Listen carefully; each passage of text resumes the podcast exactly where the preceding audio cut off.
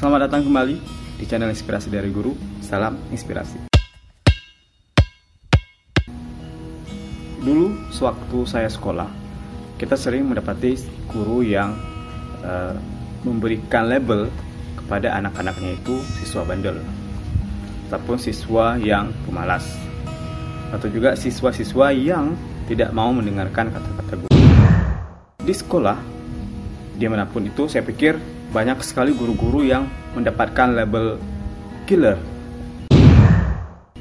Guru killer ataupun guru yang sangat ditakuti oleh siswa-siswanya. Alasannya kenapa? Karena guru itu selalu memberikan teguran atau bahkan meluapkan amarahnya kepada siswanya karena dianggap siswanya itu sangat bandel ataupun siswa itu sangat jahat ataupun siswanya itu sering berbuat onar. Ya, tidak salah lagi. Guru yang killer itu adalah guru yang sangat ditakuti oleh semua siswa. Kenapa? Karena guru yang killer itu tidak segan-segan untuk memukul, menjambak, mungkin juga menegur juga menegur siswa dengan kata-kata yang sangat kasar sekali. Tetapi keberadaan guru killer ini sangat dibutuhkan di semua sekolah. Untuk apa? Untuk menghalau keonaran yang dibuat oleh siswa-siswa yang merasa diri benar Siswa yang merasa diri benar itu adalah siswa-siswa yang selalu berbuat onar. Siswa yang merasa diri mereka benar. Mereka mampu melakukan apa pun sesuai dengan kekuatan yang mereka miliki. Apakah itu kekuatan secara personal ataupun kekuatan secara kelompok. Yang mana mereka itu akan mengganggu kawannya, berbuat sesuka hati ataupun bahkan malas belajar. Ada nggak cara untuk menghadapi guru killer? ada. Yang pertama itu kamu harus berbaik hati menjaga diri sendiri. Bagaimana cara menjaga diri sendiri sebagai seorang siswa? Yang pertama itu adalah datang ke sekolah tepat waktu. Rajin melakukan tugas. Kemudian tidak berbuat onar, tidak menyusahkan orang lain dan juga selalu menjaga nama baik sekolah. Yang kedua, dekati guru-guru killer itu dengan cara yang bijaksana. Contohnya, jika kamu selalu dianggap sebagai siswa yang bandel ataupun sebagai siswa yang sering berbuat berbuat onar, maka kamu harus pintar dalam aspek-aspek tertentu. Contohnya, kamu pintar main bola, kamu pintar main voli, ataupun kamu pintar dalam kesenian yang lain. Kalau sudah demikian, guru yang killer itu akan sayang sama kamu. Kenapa? karena sekolah sangat membutuhkan kamu. Ingat satu catatan bahwa tidak semua anak di sekolah itu yang pintar itu bisa main voli, bisa main bola kaki ataupun bisa olahraga yang lain. Sedangkan seluruh permainan saat ini yang dilombakan di sekolah itu adalah olahraga.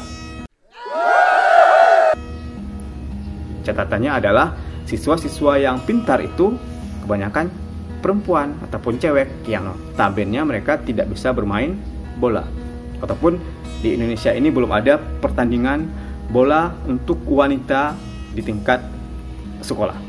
Cara ketiga untuk menghadapi guru killer itu adalah dengan membuat prestasi kamu lebih bagus. Misalnya, semester ini kamu dapat ranking terakhir. Maka semester depan kamu harus naik 5 peringkat ataupun bahkan 10 peringkat, bahkan 20 peringkat untuk mengejar ketertinggalan. Jadi guru-guru yang killer itu itu akan mengubah persepsinya, akan membuat kamu ataupun melihat kamu secara sudut pandang anak baik-baik ataupun anak yang mudah untuk meningkatkan prestasinya. Yang keempat, cara menghadapi guru killer itu adalah jangan menolak apa yang dimintanya. Misalnya, nak, tolong kamu bawa buku bapak ini ke kantor. Silahkan dibawa. Ataupun, nak, coba kamu lihat di sana pintu gerbang sekolah terbuka. Bisakah kamu menutup menutupnya? Yes, lakukan. Jadi kita menarik minat ataupun menarik hati dari guru killer itu sangat mudah sehingga tidak ada lagi kata-kata guru yang killer. Guru killer itu memang sangat ditakuti, tetapi intinya kalau kalian berbaik hati dengan guru killer itu, kalian akan mendapatkan predikat sebagai siswa yang terbaik di sekolah. Ya, meskipun ya tidak mungkin bisa mendapatkan siswa yang predikat terbaik terbaik karena itu pasti akan didapatkan oleh siswa-siswa yang ranking ya. Apakah ranking satu ataupun bahkan juara umum di sekolah. Apakah kamu harus menghindari guru killer? Jawabannya tidak.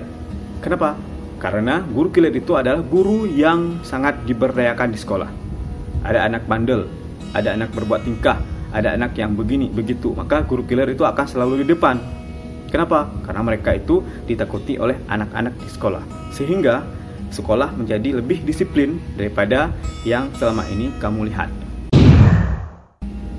Penting nggak disiplin? Penting.